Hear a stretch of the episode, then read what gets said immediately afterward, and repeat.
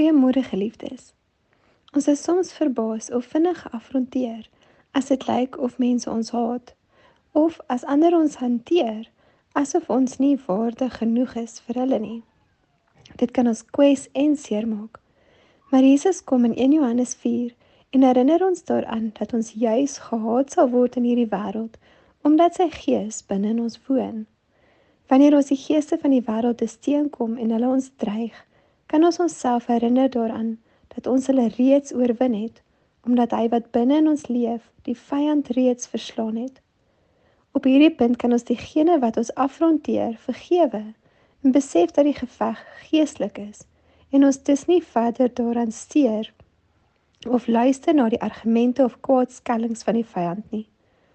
Ons waarde staan vas as kinders van die lewendige God wat deur hom reeds oorwinning behaal het.